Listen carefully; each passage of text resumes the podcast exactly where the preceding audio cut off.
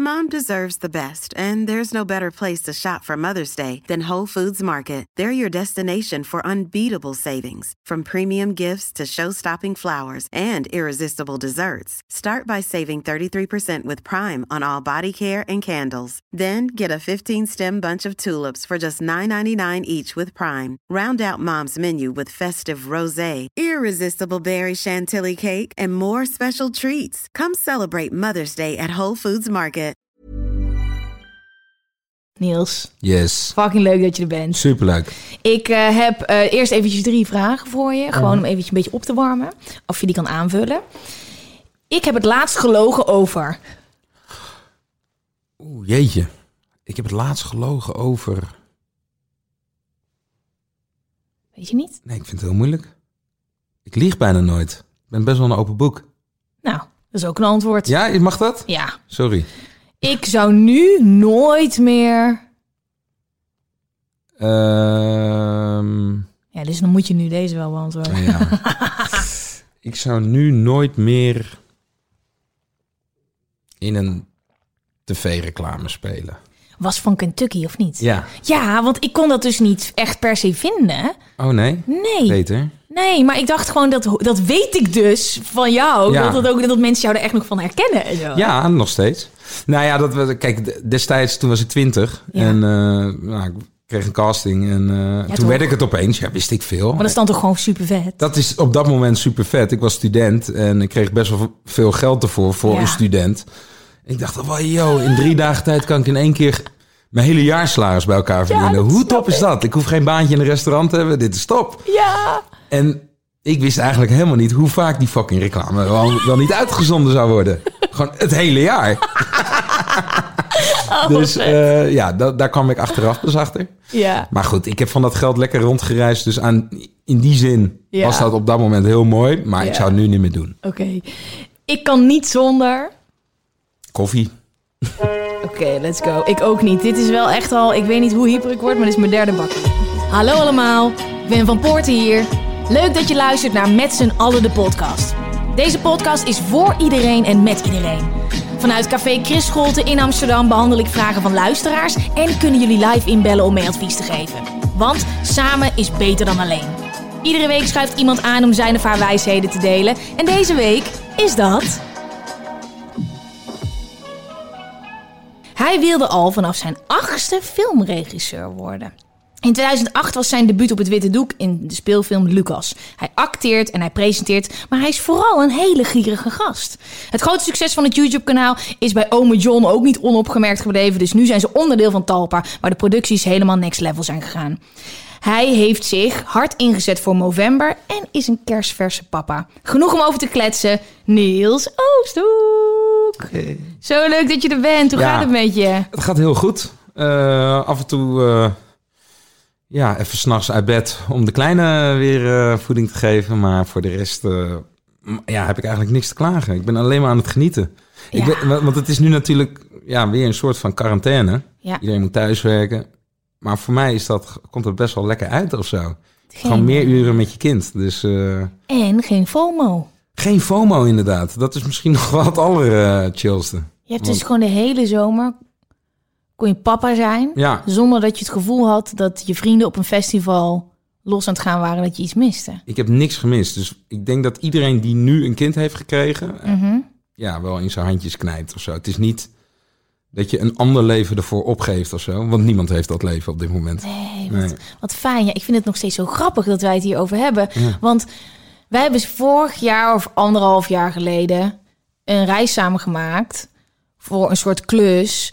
En toen was, wist ik nog niet dat je papa zou worden. En ik vraag me dus af of jij dat zelf wel al wist toen. Want het was net daarna dat je het postte of dat ik het hoorde.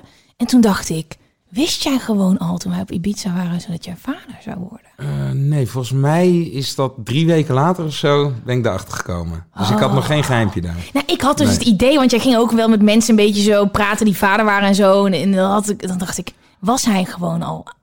Hij wist het gewoon al, maar je wist het toen nog niet. Nee, ik wist het toen nog niet. Nu je het zegt, ik weet nog wel dat de regisseur, die, die was vader. En die was Ja. best wel jong, 26 of zo. Ja. En ik zei, wat ben jij vader? ik zat helemaal, wow, fucking jong, dit en dat. Dat was voor mij echt nog, wow, je zal nu maar vader zijn. En, toen- dit gevoel had ik dus vastgehouden nu je het zegt. En dan dacht ik, oh, oké, jij wist het toen nog niet. Nee, Hoe is het leven als papa? ja, heerlijk. Het is echt, weet je, je, je hoort altijd die clichés. En, en ehm, van, ah, het is het allervetste ooit. Maar ik, ik voel het als, eh, het is zo'n, ehm, hoe kan ik dit goed uitleggen?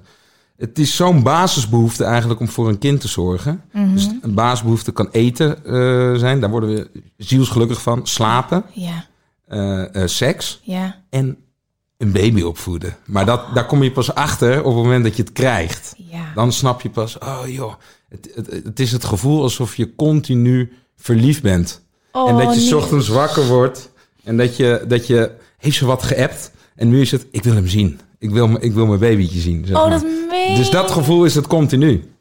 Dus dat is gewoon heerlijk. Ja. Oh mijn god, ik had dus Katja vorige week en nu zit jij hier. Dit is één grote word zwanger pep talk. Ja, nee, ja. maar wat heerlijk om je ook zo te zien. Je straalt helemaal. Ja, Ja, maar dat Ja. is wel waar. Dat is wel waar. hey, en eh, eh, het, het was een fucking heftig jaar voor jou. Ehm, anderhalf jaar. Laten we even teruggaan naar het moment dat jullie naar Talpa gingen. Hè? Ja. Jullie, jullie zijn met gierige gasten naar Talpa gegaan. Jouw vader is overleden en je bent vader geworden. Je zet je in voor november. Ik heb een hele hoop vragen voor je, ook binnengekregen van luisteraars. Ehm, ik denk dat we daar gewoon mee moeten gaan beginnen. Ehm, hoe ben je met advies geven? Bellen mensen jou voor advies? Jouw vrienden, familie? Ehm, ja, soms. Soms, eh, maar, maar soms eh, gaan ze niet direct... Let heb jij hier een tip voor of zo? Ja. Nee, dat niet. Maar willen ze wel dingen eh, bij me voorleggen? Ja, ik zit hiermee of ik zit Ja. daarmee, weet je wel. Dus Wat dat, is je expertise? Mijn expertise. Nou ja, ik, ik zit nu nog steeds natuurlijk in een rouwproces. Dus Ja. ik, ik heb nu bijvoorbeeld een vriend eh, wiens moeder op sterven ligt. En dan merk je wel, oh ja, ik, ik kan wel naar hem luisteren. Ja, En eh, dat, dat is eigenlijk al het belangrijkste om te doen. ja. Dat je naar hem luistert en het gevoel wel moet geven dat, er, dat, ja, dat hij gehoord wordt en dat mensen aan hem denken. Want het is gewoon, ja, het is een heel eenzaam proces. ja. Ja. Dus, dus ja, ik, ik, ik, ik- ik- maar ik schrijf niet de regels voor van, nou, je moet het zus of zo doen. Zo'n type ben ik niet of zo. Iedereen Nee. heeft zijn eigen weg. Je kan alleen dingen voorleggen en daar kunnen ze eventueel wat mee doen. En dat is precies wat we vandaag gaan doen. Ja, Ehm, we gaan meteen gewoon vol gas naar de allereerste vraag. Hey, ik ben een Niels. Hey, ik ben een Niels. Ik heb een vraag. Wat is voor jullie succes? Wanneer ben je zeg maar succesvol? Oké, eh, dan wil ik het eerst eventjes gewoon hebben over de gierige gasten. Dan komen we daar gaandeweg wel, denk ik. Jullie begonnen ooit samen video's te maken. Ja. Hoe is dat ontstaan? Ja, dat was. Ja, dat is zo gek eigenlijk. Ehm, Martijn en Joost die hadden een eh, schoolprojectje op, eh, ja, op school en die moesten een programma maken bij Media en Entertainment Management was een opleiding. Ja. En uh, daar hadden ze wat bedacht. Zo kom je de crisis wel door. Want we kwamen toen net uit de vorige crisis. Die ken ik nog. Ja. Was dat 2008? Ah, ja, maar in, 2012, 2013 had je oh, nog ja. ervan. Ja, ja, ja, ja, ja, ja, ja, ja. En ehm, eh, toen kwamen zij met dat eh, idee van nou, allemaal trucjes hoe je een beetje geld kunt besparen. En toen kwam ik Martijn tegen op een feestje. En die zei, eh, ah, we zoeken nog een presentator. Wil jij alsjeblieft presenteren? Zeg ik, nou, alleen als, als ik het met jou samen ga doen. ja. En toen zijn we dat gaan maken. En zij kregen toen een prijs op school. Dat het, voor het beste programma van het jaar. En we hadden dat gewoon op YouTube gegooid. Zo van, nou, dan kunnen, onze familie en vrienden dat ook zien. En in één keer had dat binnen twee weken had dat 4.000, 5.000 views. En allemaal comments vet. Wanneer is aflevering 2? En wij, oké. ja. Eh, en toen zijn we daar verder over gaan praten. En toen dachten we, ja, het is eigenlijk wel leuk om een programmaatje te starten. In de hoop dat het op tv kan komen. Dan verkopen we het aan een productiepartij. Maar wij, toen was, ja, wij wisten gewoon niks van YouTube. We wisten ook niet dat het zo groot zou worden. Maar was dit al in de tijd dat Enzo Knol er al was en En zo? knol was er wel al, maar die kende ik niet. Want Nee. ik, ja, net als jij, Ja, wij keken naar tv vroeger. precies. Telekids. Telekids. Ja. Wij keken niet naar een, een vlogger Nee. of iets. Dus ik was gewoon totaal niet op de hoogte van die ontwikkelingen. Nee. Maar ja, dus bij toeval begonnen wij dingen te maken, hebben we het online gezet. En toen waren er inderdaad productiepartijen die wilden het heel graag van ons overnemen. Ze hadden Toen al? Ja, dus... eh, eh, een paar partijen uit Hilversum die ook echt, eh, die zeiden ja, we zien hier wat in. En, eh, Die dacht allemaal YouTube, daar gaan we aan snuffelen. Nou, we- nee, nee, zij, zij wilden letterlijk dat gaan pitchen voor tv. Oh. Maar dan zouden wij dus al onze rechten kwijtraken. En toen hebben we op een gegeven moment gezegd... Toen kregen we opeens volgers en zo. Toen hadden we in één keer 8000 volgers. Huh, wat is dit, joh? En toen gingen we praten met allerlei mensen. Ja, dit is echt een booming business binnenkort, hoor. Je kan hier echt veel geld mee gaan verdienen. Oké, nou... en toen dachten we van... Ja, laten we het dan eh, maar niet eh, verkopen. Dat is Wat? eigenlijk zonde. Het is wel sterk hoor. En toen, en toen zijn we dat gewoon eh, blijven gaan maken. En ja, is het eigenlijk vrij, vrij snel gegroeid. Ja, en jullie hebben allemaal gekke shit gedaan. Ja. Wat is nou het, het lijpste? Als je terugkijkt dat je denkt, holy shit. Ik heb zoveel dingen op een netvlies staan wat jullie hebben uitgespookt. Ja, wat is het allerlijpste? Oh, ik vind het echt heel lastig om te zeggen, want het is, eh, alles heeft zeg maar zijn Ja, ik heb jullie leren kennen toen ik bij BNN voor de Social Club werkte. Ja, Toen zeiden ze, ja, is leuk, je zo'n eh, YouTube-show en je gaat super hard en die zijn eh, super eh, ja, gierige shit doen. En toen kwam ik daar, ik weet nog precies waar, waar, de, waar het was, welk appartement. Ja. En toen gingen we met jullie afspreken, want jullie hadden een hospiteeravond. En dan gingen jullie dus meerdere rondes doen en dan allemaal geld, of geld, niet geld, allemaal drank. Dan, dat nam je dus mee. Ik heb nooit gestudeerd, dus ik wist toen niet eens. Ik Nee. maakte toen kennis met een hospiteeravond. Ik wist niet eens wat dat was. Maar dan kom je dus zeg maar kijken of je daar kan wonen. Neem je een fles drank mee. En aan het einde hadden jullie vet veel flessen drank. En daar kwam helemaal niemand wonen. En dat was mijn kennismaking met jullie. En dat is nog maar niet eens het topje van de ijsberg. Dit soort shit. En dat evolueerde ook steeds. ja, ja, het ging steeds. Maar ik, ik had wel altijd al een soort van eh, ja, idee in mijn hoofd dat het me heel vet leek om een soort van primetime televisie te pakken, waar je normaal gesproken duizenden euro's eh, voor Ja. moet betalen. Dus Ja. bijvoorbeeld bij RTL Boulevard. nou, dat kost een reclame rondom dat eh, programma Ja. kost echt heel veel geld. Het leek mij zo fucking geniaal om een manier te bedenken hoe je daar dan in één keer tussen komt. Ja. En toen hadden we eh, bedacht om eh, een hoogwerker in te schakelen. Want Boulevard is op het Leidseplein. En toen kwamen we gewoon tijdens die live-uitzending... Kwamen we, kwamen we op de achtergrond in beeld... Stond ik daar met mijn zielige spandoekje... voor een of andere promo voor gier gasten. En vet. toen kregen we uiteindelijk 99 euro boete... voordat we daar op het plein waren van de politie. Maar ja, heb je wel primetime reclame voor 99 euro gemaakt. Haal je er makkelijk uit. Ja, precies. En, en, en boven van Dorens ging die tekst ook echt nog voorlezen. Dus Thank you. een soort van dat gierige ideetje was wel echt beter gelukt dan dat we ooit konden hopen. Ja. Ehm, En bent naar maar- Ibiza gegaan. naar Ibiza gegaan. nou ja, we hebben... Ja, we hebben... Maar ook in de anti-bucket list, dat is een serie die we later eh, hebben bedacht. Oh, ja, nee, ja, ga door. alsjeblieft. Ja, dat is een soort van lijst van alle shit die je absoluut niet wil doen voordat je sterft. Ehm, ja, daar zijn de meest krankzinnige dingen bedacht en gedaan. Vertel, wat is de lijpste? Nou, ik sta op Pornhub nog steeds. dus, Wat, deze heb ik gemist. ja, Ja? Ja, nee. eh, ik had, ik, kijk, voordat wij eh, altijd dingen gaan bedenken, zei oké, mocht je het loten, want het is een loting, hè? Ja. van de drie moet het dan eh, gaan ondergaan. Mocht je het loten, ga je er dan akkoord mee. Je moet van tevoren akkoord zijn met, dus je moet alle opdrachten moet je akkoord opgeven, want het zou kunnen dat jij die loodt. Oh, wat Dus verschrikkelijk. we hadden allemaal akkoord gegeven op het feit dat een van ons op Pornhub zou belanden. Maar ik zei, ik ga, ik ga geen seks hebben. Ik heb een vriendin. Ja. Dat, dat ga ik gewoon niet doen. Maar wat doe jij dan op Pornhub? Ja, ik heb een SM-behandeling gekregen. Dus ik ben een soort van bondage. Ik ben vastgebonden door een meesteres. En die heeft me nou, echt gewoon ja, onteerd. Oh, wat vet. Dus we kunnen gewoon na deze... Ja. Weet je wat het is? Ik, die anti-bucket list, ik kon hem gewoon niet aan. Ik kon het niet... Ik kon het gewoon niet aan. Ik, ik ken jullie allemaal, maar ik ken jou het beste. Ja. Het is zo intens. Ja. En het werd iedere week gekker. Ik kon het gewoon niet aan. Het is... Maar ik vond het zo mooi dat... Jullie hebben natuurlijk die overstap gemaakt en zo. Dat je meteen zag dat jullie dachten... We gaan nu gewoon fucking nog meer gas geven. Ja. Ongekend. Ja, dat was, dat was wel een, een mooie tijd. Anti-bucketlist. Anti-bucketlist, ja. ja. Gaat dit nog terugkomen? Er zijn gesprekken erover, alleen wij hebben onszelf zo hard vernederd. Of, en elkaar. Ja, wat is er nog over? Wat is er inderdaad nog over? En we- zijn we bereid om weer... Want je wel op een gegeven moment... Voor mijn gevoel hebben we het wel een beetje... Heb ik wel echt de grens bereikt in, Ja, in, vet in zijn. vernedering en schaamte opzoeken. Want wat was het ook met die anti-SOA-campagne? Ja, anti-SOA-campagne. Martijn eh, hadden we een, eh, het gezicht gemaakt. Ja, ik heb hem overal zien hangen. ja, ja, hing overal door het land. En ook eh, reclames op tv werden uitgezonden. Met, Met- ik, ik heb een SOA. Ik heb een SOA. Eh, ik ben Martijn, ik heb een SOA. En dan zat hij naakt op, met zijn handen voor zijn hele delen op een stoel. Oh, en dat goud. was soort, maar een soort van kwetsbaar document van Martijn. En drugsgebruik op tv. Drugs is Martijn ook geweest. Dus die heeft een half uur voordat we live gingen bij vijf uur live... een pil naar binnen gegooid. Eh. Ja, Nou, die was echt... Oh lord, die moet je ook echt gaan checken als je die nog niet hebt gezien. Het is ongelooflijk. Het is ook dat zij daarop reageren. En dat ze ook gewoon zien, nou, zo, hij gaat hard. ja, ja. En is er iets waar je nee op hebt gezegd? Eh, zeg, nou, ik doe veel, maar deze shit ga ik gewoon niet doen.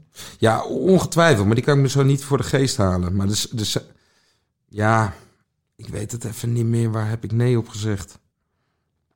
Waar gaat het, wanneer gaat het dan te ver? Nou, ja, kijk, bij geweld eh, of bij, eh, bij, bij vreemdgaan uiteraard. Ja. Ehm, ehm, maar voor de rest ja, Ja. zit er heel weinig eh, in wat, wat we niet hebben gedaan, denk En ik. dan toch ook als maker is het dan, lijkt mij, als ik, ik heb natuurlijk ook best wel extreme dingen gedaan. Als maker is het dan gewoon zo vet dat je iets kan maken waarvan je weet dat het gewoon lijp is. Ja. Dat het gewoon impact heeft. Ja. Maar als mens, Niels n- zonder camera, ja, dan is dan toch een ander verhaal natuurlijk. Het is Ja. niet zo van vrienden onderling, weddenschap, we gaan het doen. Dan is het toch wel het leukste als het gewoon dan een, een programma is, toch? Ja, zeker. Ik moet ook zeggen dat, dat door, door mijn werk ehm, heb ik veel lijpere dingen gedaan dan als ik dit werk niet zou doen. Dus Same. ja, Men- en de mensen hebben ook een soort beeld. En zijn Ja. mensen uit het vliegtuig gesprongen en zo. Dat was alleen maar omdat ik dacht... Hoe kunnen we dit leuk maken? Ja. Dan spring ik en dan ik zat in dat vliegtuig en ik dacht alleen maar ik wil dit helemaal niet. Waarom doe ik dit? Wat ben Nee. ik aan het doen? Maar het is zo grappig dat je dan toch gewoon die knoppen om kan zetten. ja. En men- mensen denken vaak ook bij ons dat we echt zoveel scheid hebben. en dat we echt nergens bang voor zijn. En dan denk ik, dat is echt niet waar. Ik Nee. scheid gewoon bijna elke week wel weer mijn broek vol, omdat ik ergens bang voor ben. Ja, ja. En ik, misschien maakt dat het dan ook leuker, dat je zegt, oh nee, ik heb hier zo geen zin in. ja. Als iemand alle, iedereen alles maar durft. Ja. En misschien is dat minder leuk om naar te kijken. Ik weet het niet. Ja. Maar ik, ik, ik zie mezelf echt niet als iemand die overal maar scheid aan heeft en alles durft. Nee. Heeft het vaderschap dit veranderd? Je blik hierop? Ehm, Van dingen dat je denkt dat je anders nadenkt erover? eh, ja, zeker wel. Ik heb ook wel eens met de vraag geworsteld van... nu ik vader ben, zou ik me moeten schamen voor, de ding, voor bepaalde dingen die ik heb gedaan?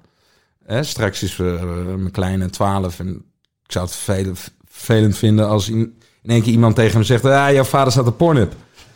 Dan denk ik, oh ja, dat, dat vind ik naar. Maar aan de andere kant denk ik, joh, ik heb, ik heb wel... Ik kan alles verantwoorden naar mijn kleine. En ik heb, ik heb een prachtige tijd gehad, zeg maar. Dus, en, en ik sta nog steeds wel achter de dingen. Ik vind het nog steeds een, een goede grap. Ja, Een goede grap, zie ik het dan alsnog. Dus ik kan het wel verantwoorden. En daarom heb ik ook een soort van... zelf een antwoord op die vraag geven. Nee, ik hoef me niet te schamen. ja, feel Ja. you. Ja. Feel you. Ik heb wel soms besefmomenten dat ik denk... This Mother's Day, celebrate the extraordinary women in your life with a heartfelt gift from Blue Nile. Whether it's for your mom, a mother figure, or yourself as a mom, find that perfect piece to express your love and appreciation. Explore Blue Nile's exquisite pearls and mesmerizing gemstones that she's sure to love. Enjoy fast shipping options like guaranteed free shipping and returns. Make this Mother's Day unforgettable with a piece from Blue Nile. Right now, get up to 50% off at BlueNile.com. That's BlueNile.com. Flexibility is great. That's why there's yoga. Flexibility for your insurance coverage is great too. That's why there's United Healthcare Insurance Plans. Underwritten by Golden Rule Insurance Company, United Healthcare Insurance Plans offer flexible, budget friendly coverage for medical, vision, dental, and more. One of these plans may be right for you if you're, say, between jobs, coming off your parents' plan, turning a side hustle into a full hustle, or even missed open enrollment. Want more flexibility? Find out more about United Healthcare Insurance Plans at uh1.com. Maar alles staat gewoon echt voor altijd op YouTube. Vroeger dacht ik, Ja. is het op tv? Good luck. En toen in één keer hadden we een YouTube-kanaal met spuiten en slikken. En toen in één keer gingen we alle, alles posten. En, toen, en dacht ik, nou, zet maar lekker daar. Daar kijkt geen hond naar. Ook mensen die het geript hebben en zo. denk ik, oh ja, interessant. Maar nog steeds precies wat jij zegt. Ja, Maar ik hoop niet ooit dat het een tegenargument wordt. Maar mama, jij hebt toch... Ja, ja, ja, ja, ja. Hoezo geen ecstasy? Ja. ja. Nou, het is wel een soort van mooie opening voor, voor een gesprek, toch? Kijk, mama, die heeft vroeger dit en dit gedaan. En dat heb ik dus... dus en, en ik heb daarvan geleerd dat Ja. je dat nooit meer moet doen. Precies, ja. En wat mama daarvan heeft geleerd... Ja. Mama lag in de goot daarna. Precies. Ja, precies. Hey, en toen kwam Talpa. Ik wist al een, beetje eh, dat die gesprekken er ook waren en zo.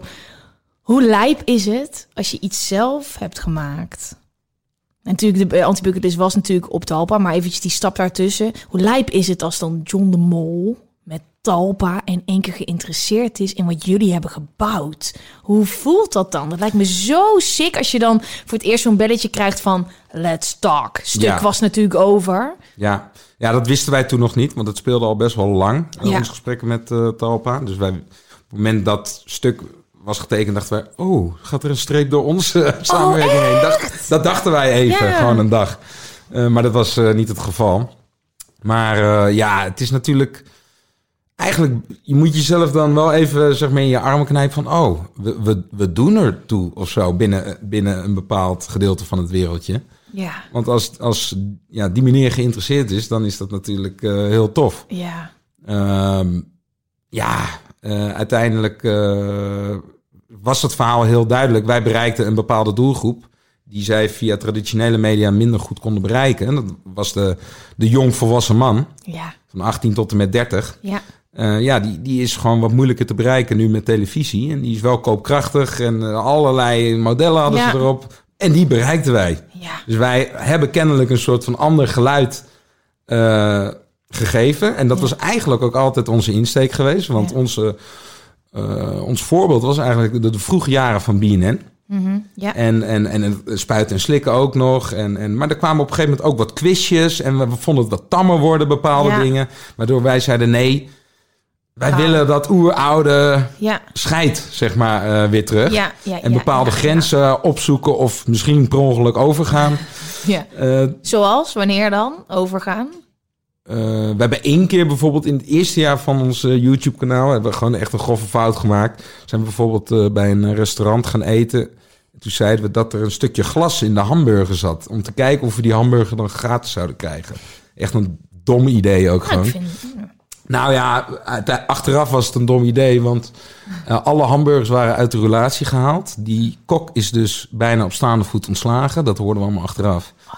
en dan, dan denk je echt, ja, dit gaat gewoon te ver. Dit gaat veel te ver. En toen hebben we ook eh, nou ja, excuses aangeboden. En ook naar die kok toe. Ik heb een feestje voor die meneer georganiseerd. Want ik had toen ook een evenementenbureau.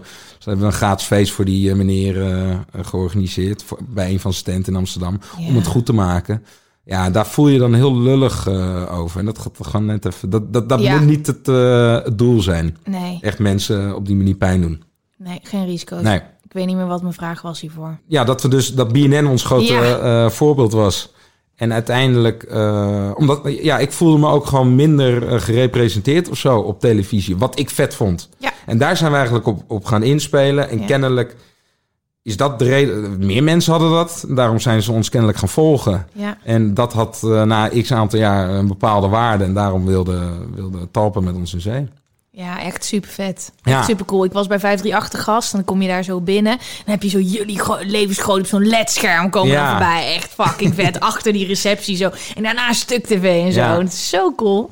Maar ook gewoon vol aan de bak eh, voor Veronica, hè? Ja, volgende bak voor Veronica. Eh, we zijn ook bezig met wat plannetjes voor SBS. Eh, ik weet dat er een ideetje is om misschien ook een keer wat op de radio te doen. Dus we zijn eigenlijk met van alles nog wat bezig. Zo lekker, en man. eh, ja, doen wat je, wat je leuk vindt. ja, vet, man. ja, Vet. Ja, We gaan door naar november, want je snor staat. ja. En eh, het is inmiddels eh, december als deze podcast uitkomt. Maar ehm, vertel even wat meer over Movember. Want jij support Movember, maar wat is dat nou precies? Het heeft met mannen te maken, ja. maar niet... Ik dacht namelijk altijd dat het eh, ehm, een ziekte was, een mannenziekte. Maar het is dus ook het mentale aspect. Ja, eh, Movember, dat is de Mo- Movember Foundation, is een Ja. stichting. Die eh, zet zich in, eh, of tenminste waar, waar, waar ze vooral bekend om zijn, voor, voor meer onderzoek en het bespreekbaar maken van teelbalkanker en prostaatkanker. Precies, dat, dat, dat zocht ik, ja. Ja. Dat, dat ken, daar ken ik het van. Ja, daar kennen de meeste mensen het ook van. Daarvoor, dat, als je dat steunt, wil je dat uiten. Dat doe je door middel van een snor. Ja, het laat staan van je snor. En daar is sinds een aantal jaren ook bijgekomen eh, eh, om eh, eh, taboe te doorbreken. En, Ja. en ook meer onderzoek naar depressiviteit en zelfmoordpreventie onder mannen. ja.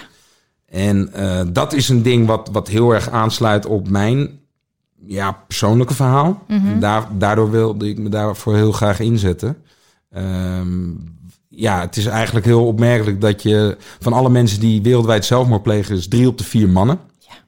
Best wel, eh, best wel een groot percentage. En terwijl heel gek is, van alle mensen die eh, aangeven depressiviteitsgevoelens te hebben, is slechts 20% man. Dus er, zit, er zijn heel weinig mannen die überhaupt durven aan te geven dat ze ergens mee kampen. ja. En, en eh, die zijn ook veel eerder geneigd om meteen die daad te verrichten. ja.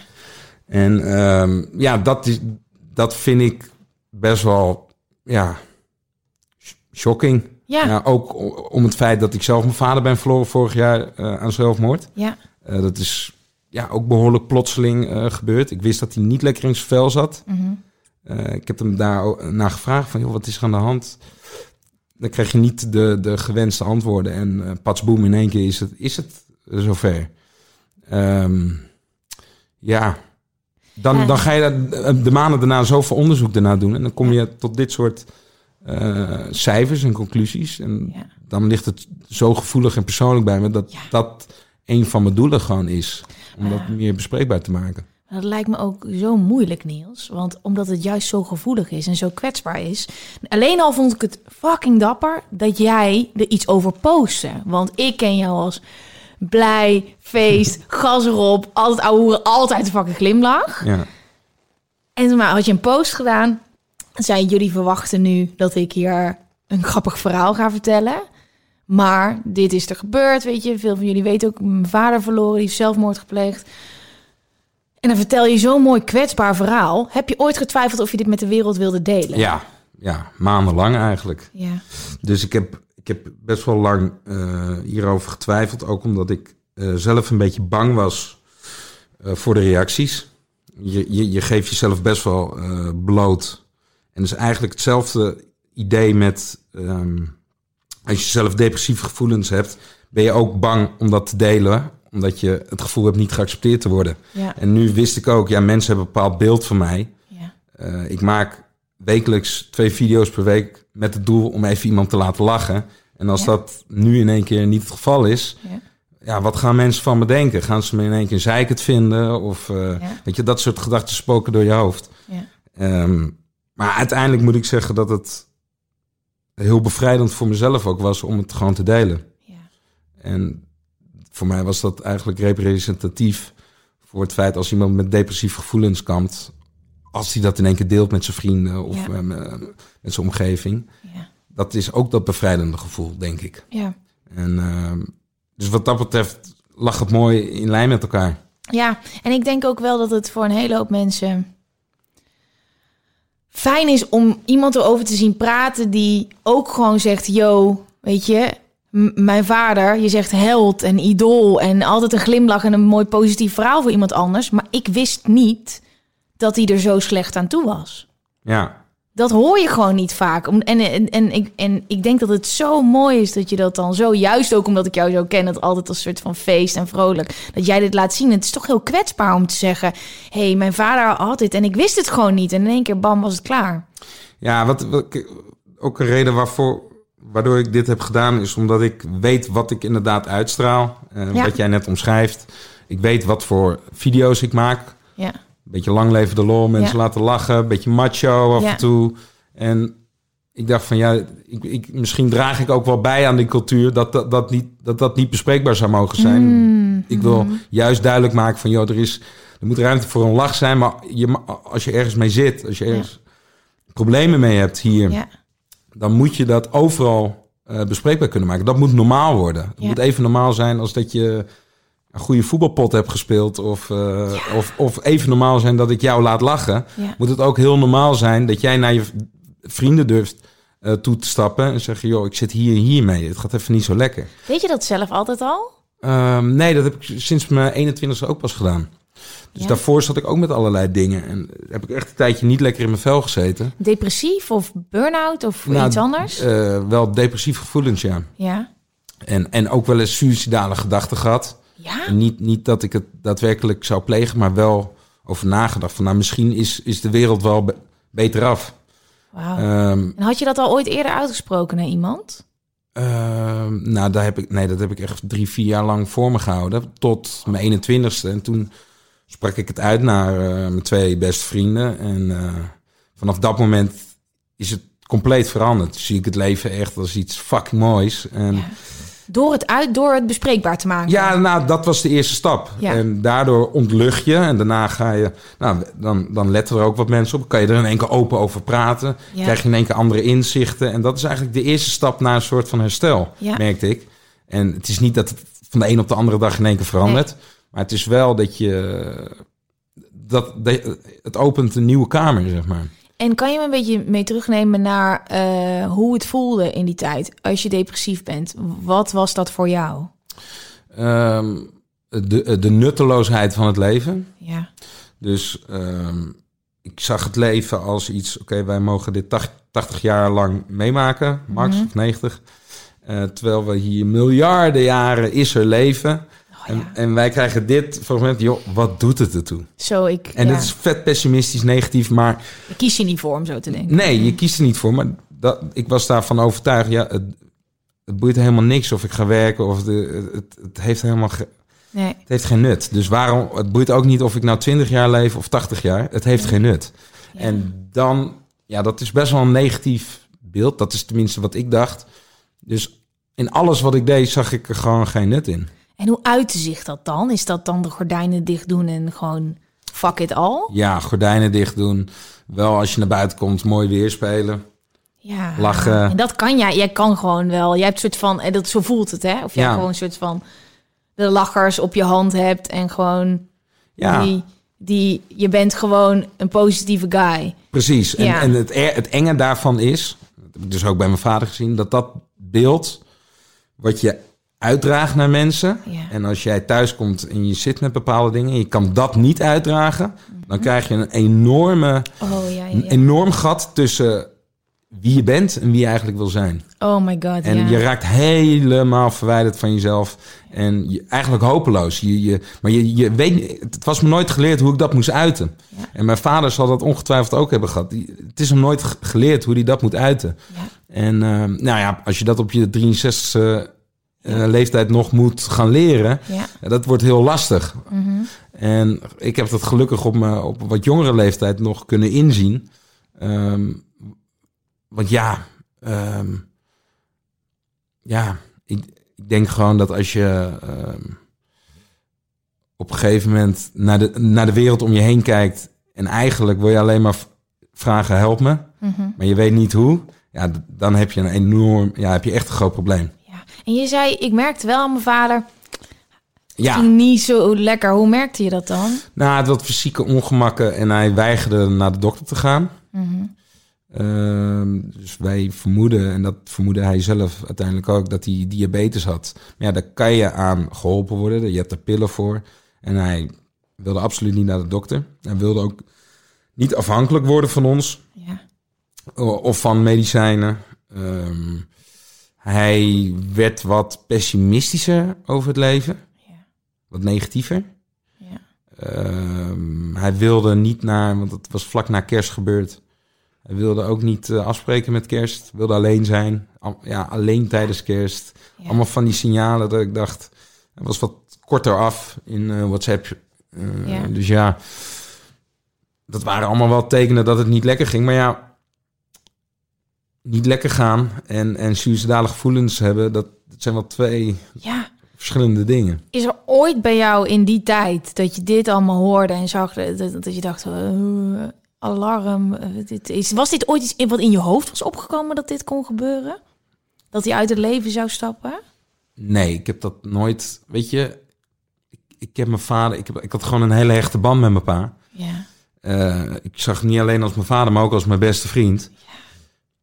En je, ja, je verwacht niet van je beste vriend dat hij zelfmoord pleegt. Nee, sowieso. Ook niet als, als het gewoon een hele vrolijke vent is. Ja. Die altijd sterke verhalen had. Ehm, ja, dat, daar sta je niet bij stil dat dat kan gebeuren. Nee. Ik denk, als jij nu om je heen zou kijken, wie zijn mijn beste vrienden? Ja. Probeer dat maar eens in te denken dat die in één keer uit het leven zou stappen. Dat Ja. zou een heel, heel raar idee zijn. Mhm. je, je zegt ook ehm, in die post op Instagram dat je in zijn afscheidsbrief had gelezen dat het eigenlijk maar een soort masker was. Of dat hij ook niet zo goed meer wist hoe hij het goed moest doen. Of hoe hij het moest doen. Ik weet even niet wat je exacte woorden waren.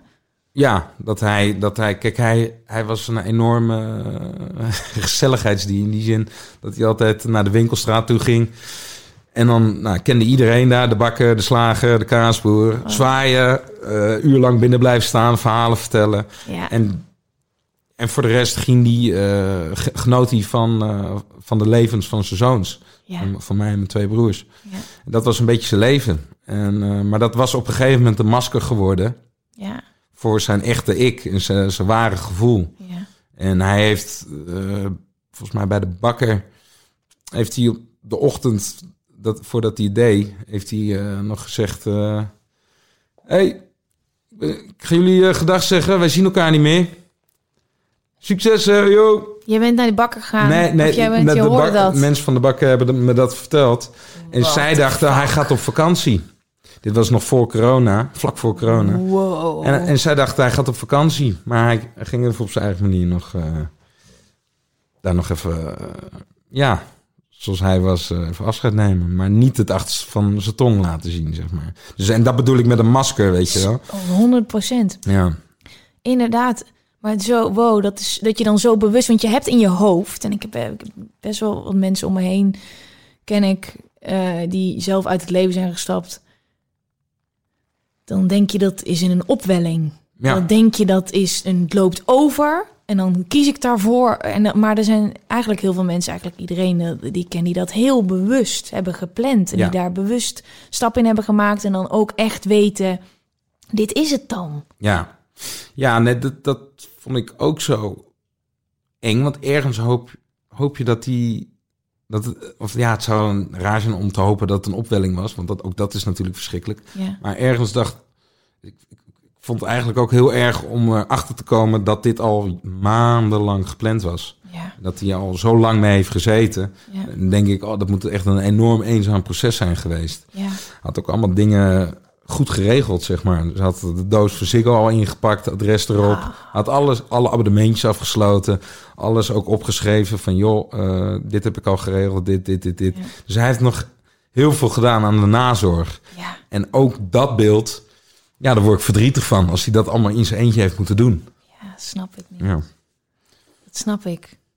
Maar is het ook niet ergens aan de andere kant, hè? Een soort. Mm, ja. Een soort geruststelling dat hij een opwelling is misschien vak, maar hij heeft deze keuze gemaakt. Eh, het is inderdaad wel geruststellend. Dat inderdaad... Het is een keuze. Ja, Heb, heb jij mensen die met jou erover in gesprek gaan? Dat, dat, ik, ik heb namelijk wel eens mensen om me heen die, als je het over zelfmoord hebt, die dan zeggen: Zo, dat vind ik zo egoïstisch. Heb je dat wel eens? Ja, ik heb wel mensen gehad eh, die dat hebben gezegd. Of heb ik gehoord dat diegene dat heeft gezegd. Ja, En toen eh, was ik zo boos. zo. maar ja, dat, dat is precies wat ik. Wat, ja, ik dacht, eh, toen ik dat hoorde, dat iemand dat had gezegd, dacht ik echt, ik rij nu naar zijn huis toe en ik verbouw zijn hoofd. gast. Dat heb ik gedacht in een opwelling. En nou, heb ik gelukkig niet gedaan. En één of twee dagen later, ik heb daar echt lang mee gestruggeld. Hoe moet ik hiermee omgaan? Want Dit is een best wel primitieve reactie. Er zijn, er zijn namelijk mensen die echt een bepaalde mening hebben over Ja. zelfmoord. Ja, Ja. Eh, maar eh, waarom ik zo boos was, omdat ik mijn vader kende en absoluut niet egoïstisch was. Die man dacht alleen maar aan anderen. Dus dat vond ik echt een aanval. snap ik. Ja, Maar, maar uiteindelijk was de conclusie dat, ehm, het helemaal niks uitmaakt wat andere mensen daarvan vinden. Ik weet wat hij voor mij heeft betekend. Punt. 100 procent. 100 procent. Ik, ik vind het altijd een onvermogen van mensen die het nodig vinden om te zeggen dat het egoïstisch is. Want dan kan jij dus niet... Moet je voorstellen dat je deze stap neemt, hè, dat het zo, zo met je gaat. Hoe, hoe heftig dat is voor jezelf. Dat je dan Ja. echt geen andere uitweg ziet. Dat je, dat dan, dat je daar zo'n conclusie over kan trekken zonder dat je dat ooit... En dat is echt iets waar ik wel discussies met mensen ook over heb gehad. Want het is zo... En ik denk ook echt dat jouw gedeelte hierin daaraan bijdraagt. Want die verhalen hoor je vaak niet. Je hoort vaak, oké, weet je, dus een soort... beetje taboe rust daarop. Mensen stappen uit het leven. That's it. Ja. That's it. Dat is een eind. Ik heb zelfs een keer iemand meegemaakt waar dan de begrafenis van besloten was. Omdat, ja, omdat dat dan was beschreven in een afscheidsbrief. En dan oh, daar, daarmee hou je het cirkeltje zo klein. En Ja. ligt je het niet toe en snappen mensen het niet. Maar als je het verhaal van jouw vader zo hoort en wat daarachter zit. Ook voor mensen die dat natuurlijk kan je, kijk, jij zegt ik heb ooit in zo'n periode gezeten, maar de meeste mensen zullen nooit kunnen begrijpen dat je daartoe in staat bent. Maar dat klopt ook, want het is de, ik denk dat als je wat meer inlevingsvermogen krijgt en ziet hoe het dan dat het een proces is en dan Ja. het- en en dan ben je je bent, het is een, ziekte toch? Je bent toch eigenlijk, zie of zie je dat niet zo? Ja, ja, wel. Ik zie het wel in zekere vorm, eh, zeker als een ziekte, ja. En depressie. ik, ik, ik, ik vind dat je niet 100% toerekeningsvatbaar bent Nee. op het moment dat jij met die, of dat wil doen. ja. Ehm, moet ik wel nuanceren, want sommige mensen kiezen er inderdaad. Ik heb ook een prachtige documentaire gezien eh, op de NPO ergens over eh, mensen op leeftijd die zeggen: het is, ik wil zelf Ja. een punt achter zetten. Ik vind het mooi geweest. Ja. Ik wil niet afhankelijk eh, worden in een, een verzorgingstehuis. ja. En dan denk ik, god, die mensen staan, nou, ik zou hun niet willen omschrijven als ontoerekeningsvatbaar. Ik vind hun vrij toerekeningsvatbaar eigenlijk. Maar er zijn ook gevallen die, die zijn zo verwijderd van zichzelf. En die hebben, uiteindelijk ben je, wij mensen zijn de enige organismen in de wereld Ja. die de hele dag verhalen aan het verzinnen zijn, fantaseren. Dit is hoe ik over mezelf denk. Dit is wat hier geloof ik in. Hier geloof ik daarin. We hebben allemaal regeltjes in ons hoofd. Zus en zo moet het zijn. Stel dat jij dagelijks in één keer een verhaal in je hoofd hebt dat je er zelf niet toe doet. Dat je, ja, dat je geen eigenwaarde hebt. Dat je eh, het leven nutteloos. Als jij dat elke dag dat maar in je hoofd hebt, ja, dan ga je er vanzelf in geloven. 100 procent. En dan ga je er ook naar handelen. Ja. En het is heel moeilijk om, eh, om in één keer ergens vanaf te stappen waar je echt 100% in gelooft. Vraag maar aan een, aan, aan, een- aan een christene of een Ja. moslim. Je, je moet nu stoppen met geloven. Ja. Dat is echt lastig. Ja. ja. Kijk jij anders naar jouw eigen depressieve periode nu? Heb je geprobeerd in het hoofd van je vader te kruipen door de dingen die jij ooit hebt gedacht? Van hoe was dat toen en zo? Nou, achteraf eh, dacht ik, joh, ik lijk nog veel meer op mijn vader dan, Ja. dat, ik, dan dat ik ooit had eh, kunnen voorspellen. Ja. Eh, ik wist, ik, mensen zeggen altijd, je bent een kopie. Ja. Maar nu dacht ik, goh, ik heb, ik heb dezelfde problemen gehad. En ik heb het nooit echt met hem besproken. Wel met mijn moeder, Mhm. maar niet met mijn vader. Ja. En ja, Ja, echt ja, vind ik ja. dat wel jammer of zo. Maar goed, ja, het heeft ook geen zin om daar eh, te lang bij stil te staan. Wat is jouw missie met Movember nu? Wat wil jij? Wat wil jij dat dan al die...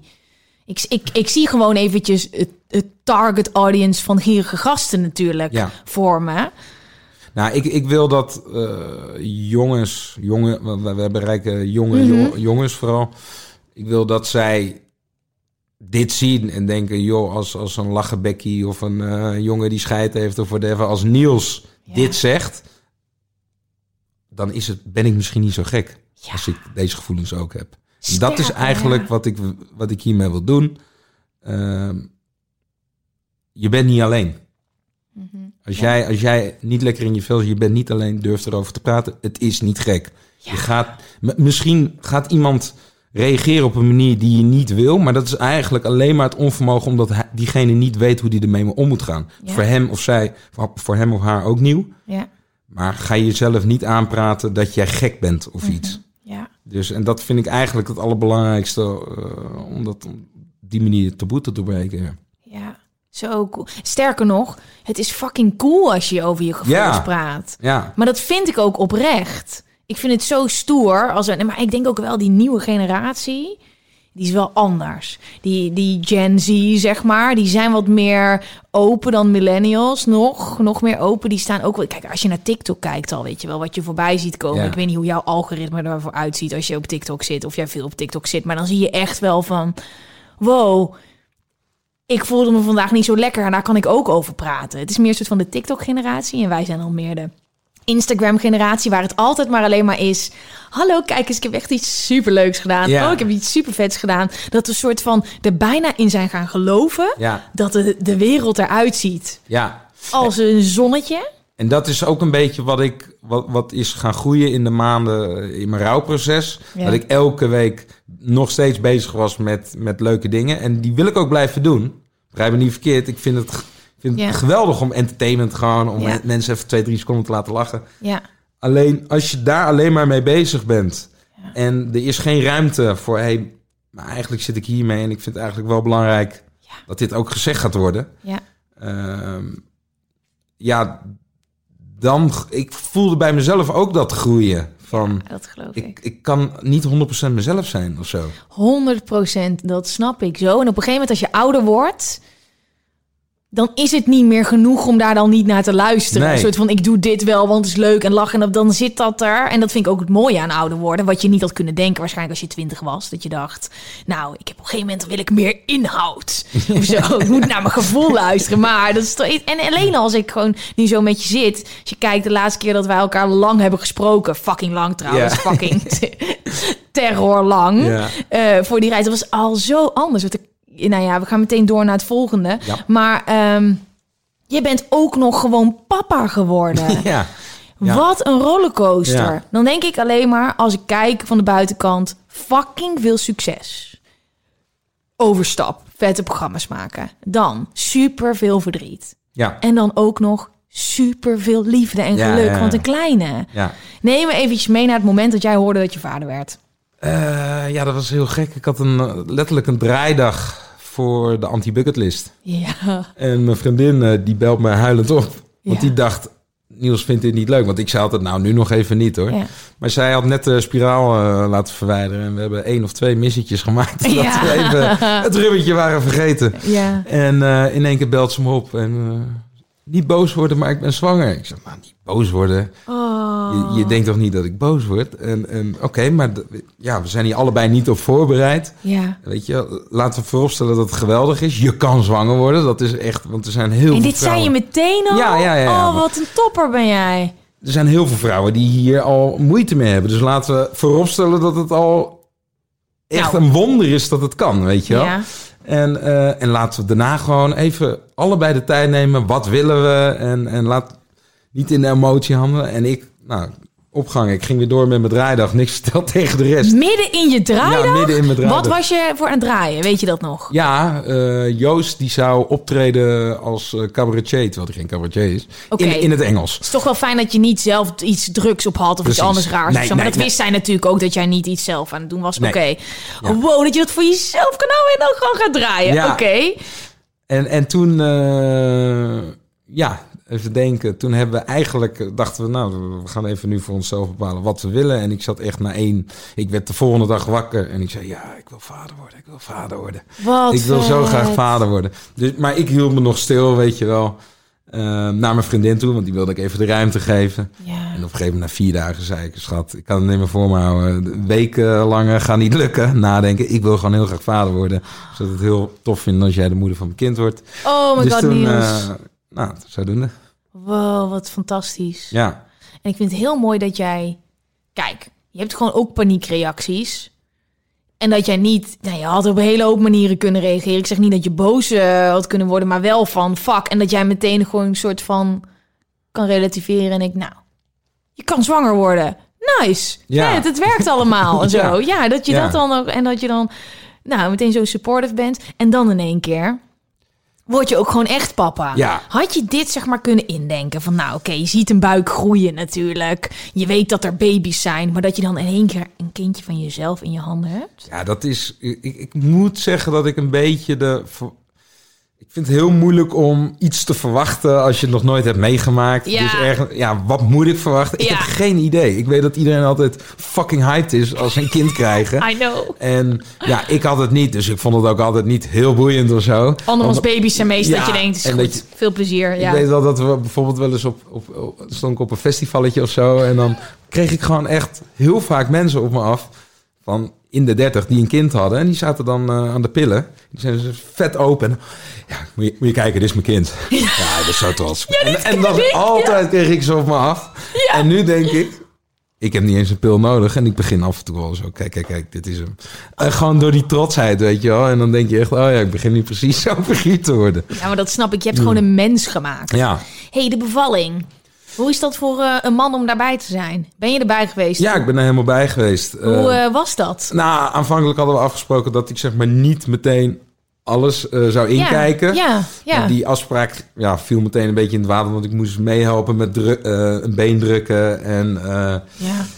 maar ik, ja, het, ik vond het zo'n bijzondere ervaring. Dat, ja, er wordt altijd gezegd dat, dat je favoriete kroeg in de fik staat. Ja, en zo. precies. Ja. Ja. dat heb ik ook wel eens gehoord. Ja. Ik, ik heb het ook wel daar. Het leek wel de openingsscène van Saving Private Ryan.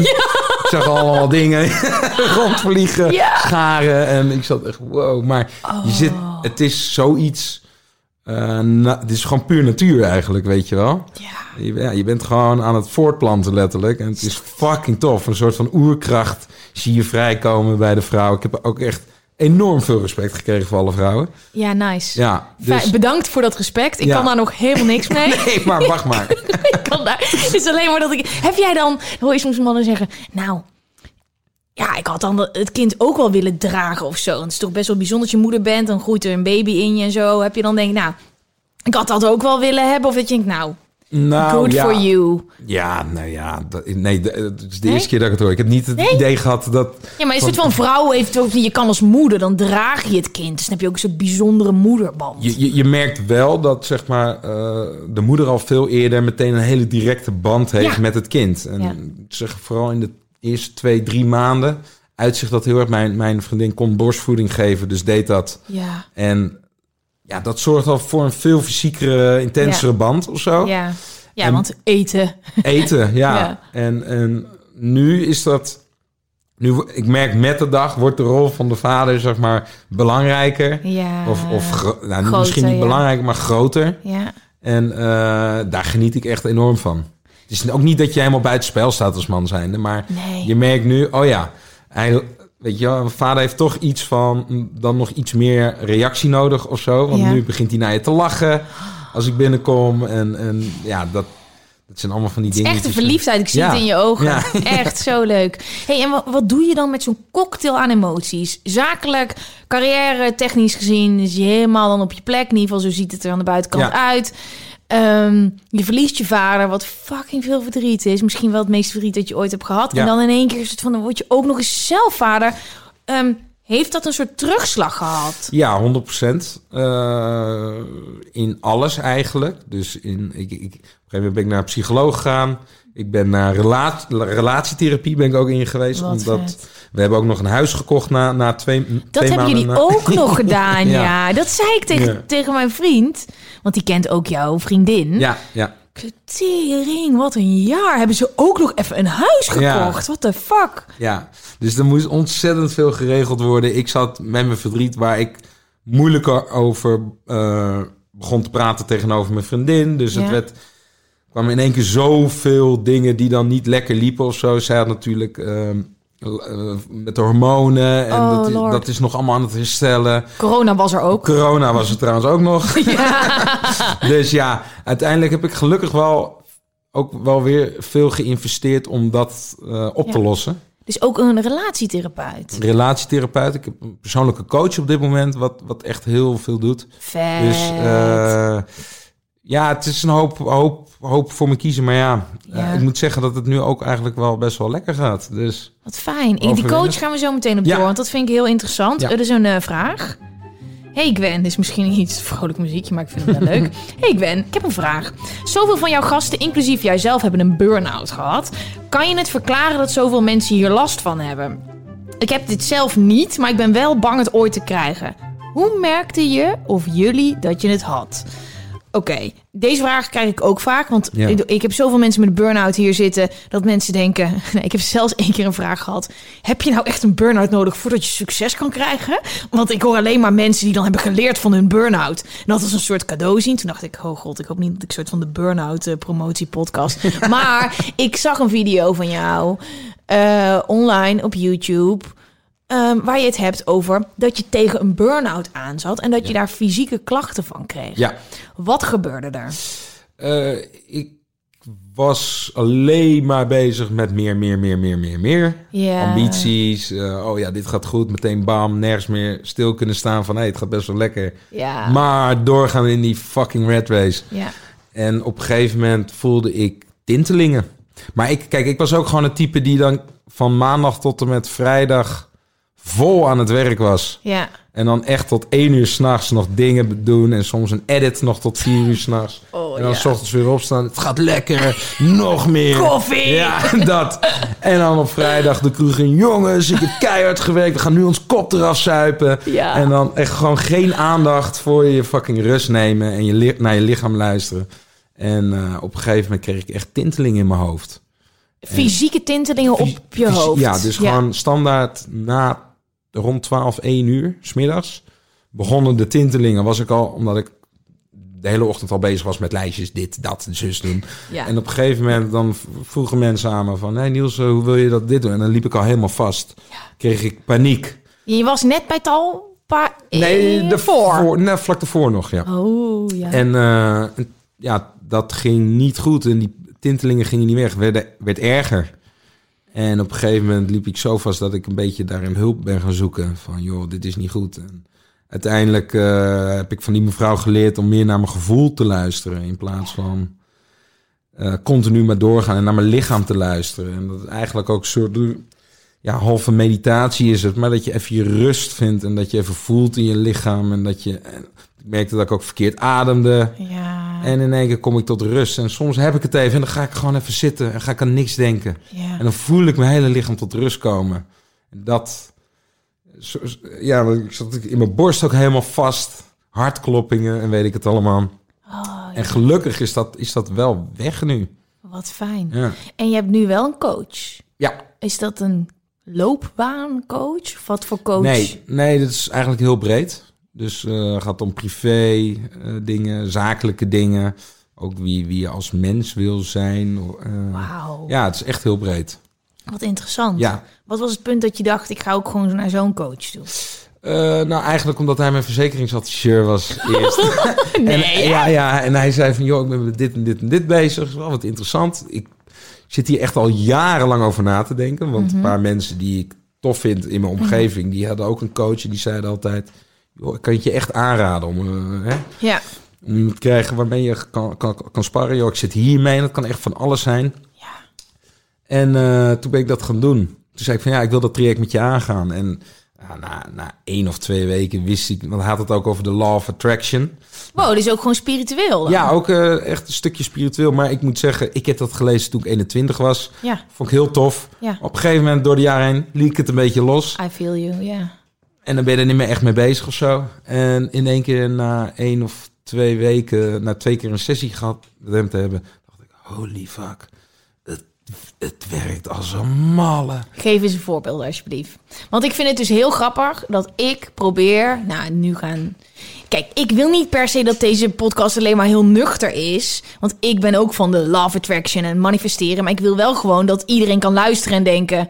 Fucking vet, hier ga ik Ja. wat mee doen. Dus dat je tools geeft. Maar deze shit, die kan je niet echt bewijzen. hè? Nee, Maar het is er wel, ik weet het zeker. En vooral van, van jou wil ik dat horen. Wat, noem, geef eens een voorbeeld. Nou, een van de voorbeelden eigenlijk waardoor ik eh, me ben gaan inzetten voor november is ook daardoor.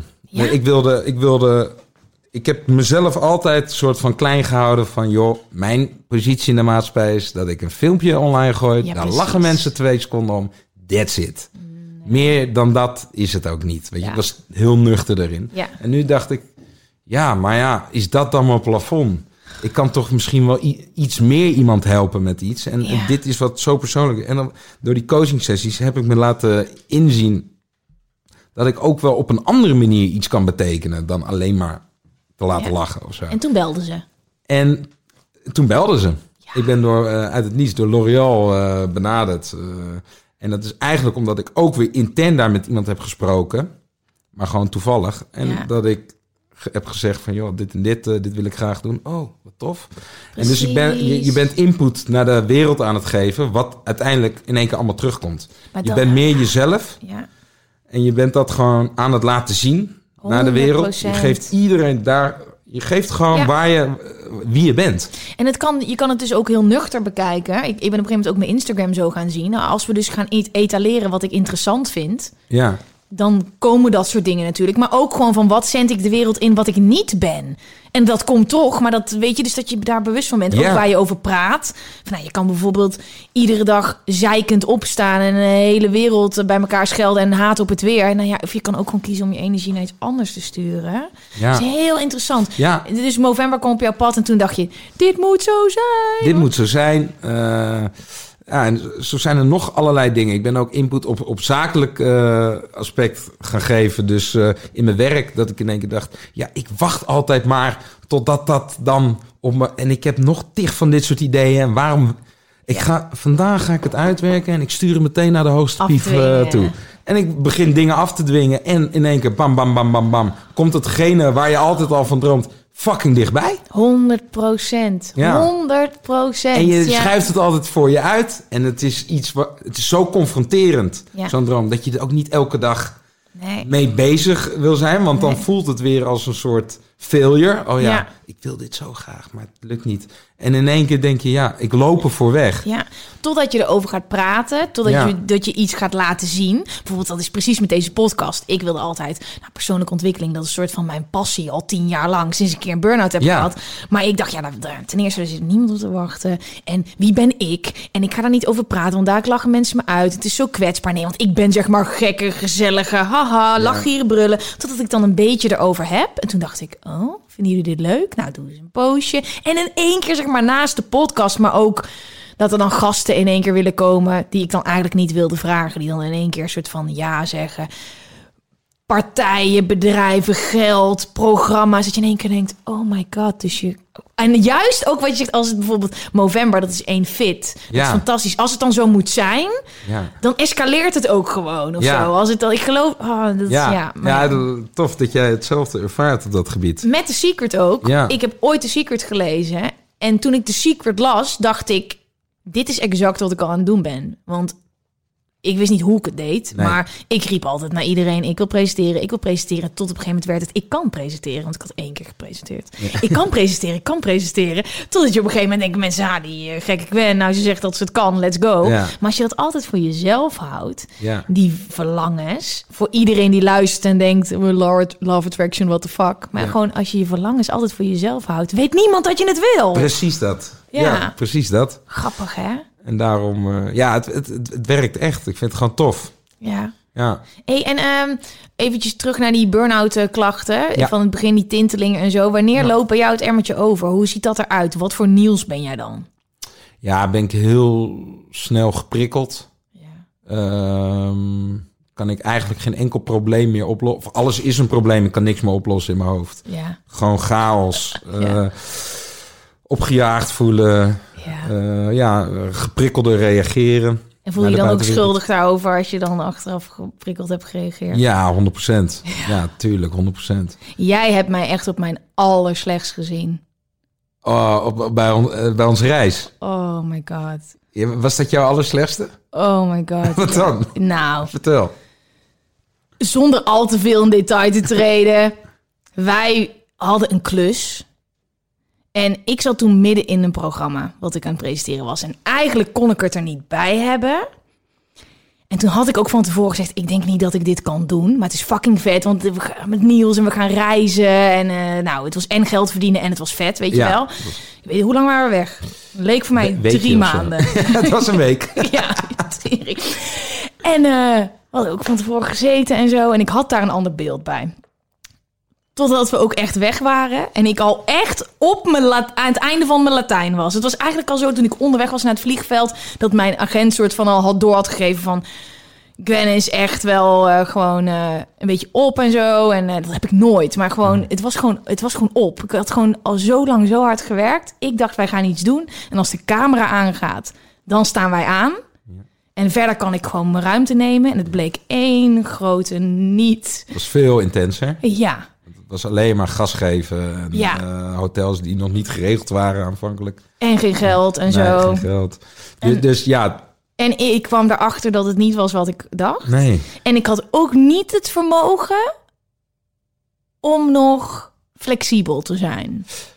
Maar eh, je had het net over eh, schuldgevoelens. Heb, heb Oh, jij, dat- heb jij zo dan lang. schuld? Ja? ja, ook naar jou Ja? en naar iedereen die daar was. Oh, Onwijs. ja. Nou, ik, ik, ik, heb dat, ik weet wel dat in de productie waren er wel eens eh, geluiden van... eh, dat er, dat, Ja. er waren gewoon spanningen. Ja. Maar ik heb voor mezelf... Heb ik, het, ja, ik heb niet zo'n moe- moeite mee als mensen... Maar ik ben altijd want je gewoon geeft wel iets aan. Je Ja, maar dat vond ik dus aan. moeilijk. Want Ja. ik was dus altijd eh, van een soort van grenzen overgaan. En ik kwam gewoon achter van... Ik heb gewoon een hele harde grens. En die gaf ik aan, maar Ja. daar voelde ik me al schuldig over. En dan zit je met z'n allen... Eigenlijk gewoon had, heb ik normaal dan suck it up. En je gaat het doen en je klaart de klus. Want ik kan er niet tegen als ik niet mijn best... Nee. of genoeg alles eruit heb gehaald. Maar het kon gewoon niet. En ik kon ook niet meer mentaal, zeg maar chill worden. Want ik dacht, hey, dat jullie vinden me allemaal kut. En eh, jullie zijn allemaal boos mij. En jullie, oh, dat is het. Ik had één grote. Ik kan er gewoon niet tegen als ik het idee heb dat, ik, dat mensen niet vinden dat ik het goed doe. Want ik, werk, ik wil altijd het perfect doen. Ja, alleen je kan jezelf ook niet eh, bekritiseren om het feit dat je het hebt aangegeven. Want dat was wel een gevoel wat er was. Dus je hebt wel naar je lichaam geluisterd. Ja, Eh, ehm, en, en, en voor iedereen is het denk ik anders hoe die in zo'n klus ingaat. Want Ja. stel, ik had, ik weet niet hoeveel klussen of reizen ja, in de weken daarvoor gedaan. ja. Stel dat ik eh, in Amerika was geweest, in Shanghai en weet ik het allemaal. En ik kwam, moest dit nog even doen. Dan was ik ook niet zo vrolijk geweest. Oh, maar dus ja. ieder heeft zijn eigen weg hoe die een, een klus ingaat. En dat is op dat moment zo gegaan. Maar ja, En het is it. ook gewoon leren daarvan. Maar ik vind het heel interessant ook wat jij zegt. Weet je wel, als, ik, als het dus dan overloopt en zo. En ik had toen echt daar wel een sikke soort van error. Fucking veel van geleerd wel. Maar ook wel, het is ook een weg. En dat heb jij denk ik ook. Met als je een keer na- tegen je grens aanloopt. Dat je ook je grenzen leert bewaken. En dat is niet altijd leuk. Heb jij wel eens dat je tegen zo'n grens aanloopt. Dat je een soort van aan de rem moet trekken. Of het nou privé is of qua werk. Ehm, nou, dat, dat heb ik destijds eh, moeten doen of moeten Ja. leren. Ja. En dat gaat nu al natuurlijk eigenlijk. Dus Ja? nu, kijk, vroeger eh, werd ik al helemaal lijp als ik een dag vrij had, weet je wel. Mhm. ik dacht gewoon zeven dagen per week doorbeuken. Dude, ik dacht, En- als ik één dag vrij had, dacht ik echt... Dit gaat niet goed. What is this life? Ja, En dan zag ik mensen naar de supermarkt gaan. Dacht ik, wie, hoe doen jullie dit? Ja. Ik, en dan ging ik dus keihard feesten. Om dan een soort van die ene dag vrij op te lossen. Want dan lekker rock en roll. En dan vervolgens weer in het werk terechtkomen. En dan denken, ja, precies hetzelfde. Ja. Precies hetzelfde. Ook eh, vrijdagavond vrij. Dit is veel te veel vrijheid voor mij. Ik moet gaan feesten. ja, ja, en ja. Wat, wat ga ik morgen dan doen? Ga ik dan super nuchter door de stad lopen? En Slapen. Slapen? Of nog wakker zijn. Ja, Ja, ik eh, dat weet ook kan ook- niet. Dus Dat ik in mijn bed lag en dat een vriend eh, meldde dat hij in de bubbel stond. En ik lag al in bed, ging gewoon twee uur s'nachts uit bed naar Leidseplein lopen. Om gewoon dan alsnog te gaan feesten. ja. What ja. the fuck is ja, going on? Nou, dat soort shit ken ik, ja. Maar er is dus meer rust bij jou, denk ja, ik. want nu kan ik echt genieten van een vrije, vrije dag of een vrij weekend. Dat ik echt gewoon heerlijk, super fit door die stad banjer. Even met mijn kleine. ah, we gaan even naar de kaasboer. Hup, hup, daar lolletje. Die vriend bellen. Hey, super leuk. Gewoon chillen en dat genieten van het leven. geluk. Ja, dat is geluk. Grappig, en zo grappig, want dit was vroeger wat ik echt dacht. Nou, ik weet niet hoe deze mensen hun leven leiden. En dat je dan nu inderdaad denkt, vooral in deze tijden, dan ga je zo'n broodje halen. Ja. Met een lekker hammetje erop. En denk je, oh, het Ja. zonnetje schijnt. Het is herfst. Ja, precies dat. Ja, filmpje opzetten op een gegeven moment met je Oh, vriendin. Helemaal heerlijk. top. Oké, dan heb ik nog een vraag. Maar dit is gewoon een vraag van mij. Je had het over dankbaarheid in die video. Dankbaarheid. Oh. Ja, jij had het over dankbaarheid. Dat je zegt, nou, wat dus ook helpt. Dus als ik gewoon zeg waar ik dankbaar voor ben. Ja. Doe je dat echt? Ja, doe ik eh, nog steeds. En wanneer? Eh, elke ochtend. Yes, wat fijn. Elke ja, ik ben een soort ehm, activist voor dankbaarheid. Oh ja, ja, maar het voelt wel als, als een soort... Nou, ik, het, is, het gaat zoveel dieper dan dat mensen denken. Ja, ik, ik zou je, eh, ik heb het weer opnieuw, eh, ook door middel van mijn coach, weer Ja. opnieuw uitgevonden, zeg maar. Soms laat je wat dingen, overtuigingen een beetje varen uit het niets. Het is of ook zo. discipline. Vergeet je het, ja. Ja. En nu in één keer was zo, oh ja, een stukje dankbaarheid. Ja, tuurlijk, tuurlijk. Dat, dat moet ik weer oppikken. En dan elke ochtend waren het gewoon drie dingen waar ik dankbaar voor was. En je, nou, je begint je dag zo lekker. Omdat je, je, je, begint je dag met geluk. Ja. En dat, dat eh, smeert zich uit over de rest van de dag. Ga je overal Ja, maar ga je lekker naartoe, zeg maar. Ja. een soort van kussen of zo. Dus ook alle shit die er komt op een dag. Als je al een soort van beseft wat je eigenlijk al hebt, wat je vergeet. Ja. Want je neemt het allemaal voor lief. Weet je wel, je neemt voor lief dat je gezond bent, dat je kan, eh, weet ik veel wat. Ik moet trouwens even op iets terugkomen. Want ik heb een berichtje van iemand voorbij zien komen. Dat ik heb het altijd over dankbaarheid. En dan zeg ik dat je gezond bent en dat je kan lopen. En toen zei zij. Maar er zijn ook mensen die dat niet hebben.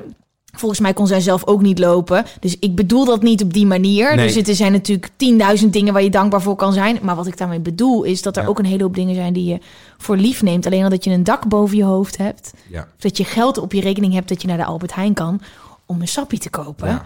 Allemaal van die dingen waar je niet van bewust bent. Ja. Als je je dan traint. ja, en als je daar je, je... Ja, want het is inderdaad training. Het is een soort van... eh, je, je, je hersenpan op die manier conditioneren. Ja, Dat je daar heel bewust van bent. ja. Ja, dan kijk je toch wel een stuk vrolijker naar de wereld. Andere bril op. Ja, een andere bril op, ja. Nice. Ik heb een vraag. Ik heb nog 10.000 vragen. Lief, ik ben een gast. Ik heb al vijf jaar een partner. En ik vind hem nog steeds super lief en leuk. Alleen zit ik met een probleem. Hij heeft een veel lager libido en ervaart nu stress, psychische klachten, waardoor zijn libido nog lager is. Kortom, we hebben weinig seks. Lees één keer per maand. Omdat er nu zoveel druk zit op het seksen, voel ik een soort van paniek als hij wel zin heeft. Ook merk ik dat mijn geile gevoel voor hem ook minder wordt. Misschien omdat ik te vaak ben afgewezen door hem, of ben ik echt minder verliefd. Wauw, helemaal kut. In dit, is dit herkenbaar en wat kan ik doen? Liefs anoniem. PS, je bent echt een topper. Je voelt echt als een soort vriendin. Oh, Lief. oh. Hey, ehm, komt dit jou bekend voor? Ja, ik denk dat er wel... In een relatie is het altijd wel een beetje zo qua libido en zin. En in één keer hervind je dat weer helemaal. En Ja. dus wat dat betreft is het niet gek als er in één keer een periode minder is. En dat is dus ook echt een taboe. Ja, dat, is- dat is echt een taboe inderdaad. En hoe is dat met mannen? Want ik heb dus, waar had ik dat nou gehoord? Ik luisterde een hele tijd geleden naar Man Man Man, de podcast. Dat ging over seks volgens mij. En toen hadden ze het over ja, vrienden onder elkaar of eh, collega's en bij de koffieautomaten. Heb je nog geneukt? Huh? Dat je dan ook dus eigenlijk niet durft te zeggen van ja, is gewoon eigenlijk al drie weken niet. Want Nee. dat is dan meteen slecht. Terwijl ik ken niet zoveel relaties die altijd gewoon drie keer per week seks hebben. Altijd, standaard. Nee, nee. Waarom Ja, dat is heel leggen we dat elkaar op? En waarom is dat een soort schaamte? Want ik denk dus niet dat het een keurmerk voor je relatie is. Eh, Dat je iedere week, eh, als je een, een, een seksleven is inderdaad ups en downs. Ja.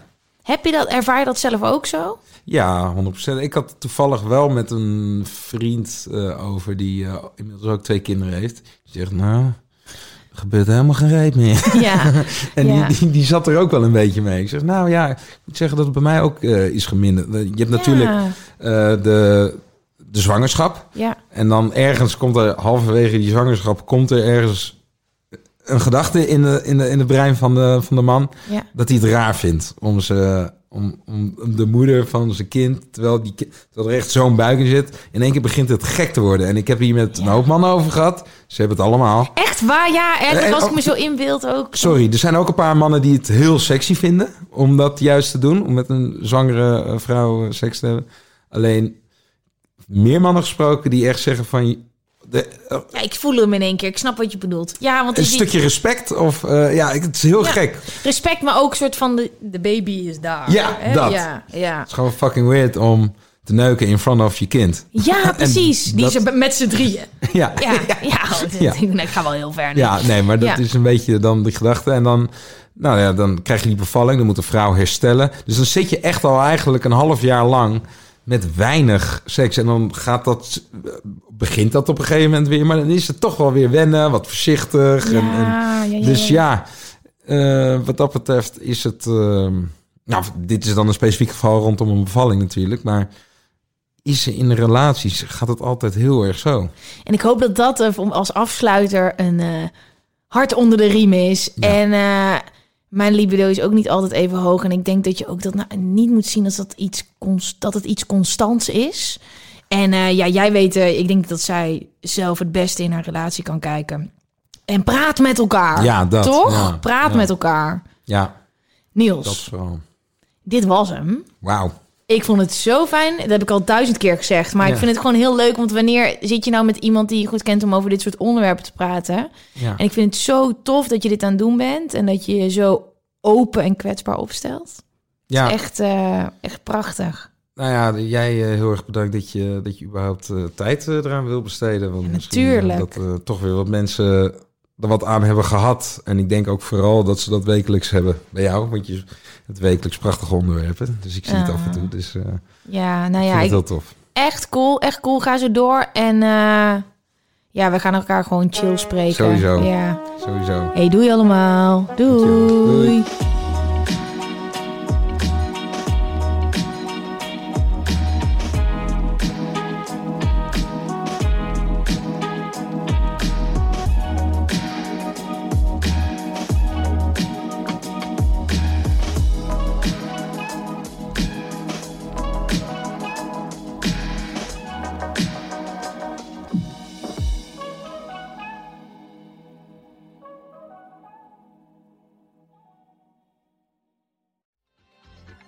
Weet je waar ik zo'n tyfushekel aan heb? Toeristen, als het te druk is in de stad, zelf koken. Ja, alles wat je nu zojuist benoemt. En daarom maken jij, denk Daan Hogevorst, En Robert Rodenburg. een podcast waarin we alleen maar klagen. Want klagen is HET medicijn tegen het collectieve leed wat maandag heet. Dus elke maandagochtend een nieuwe te horen op je favoriete podcast-app.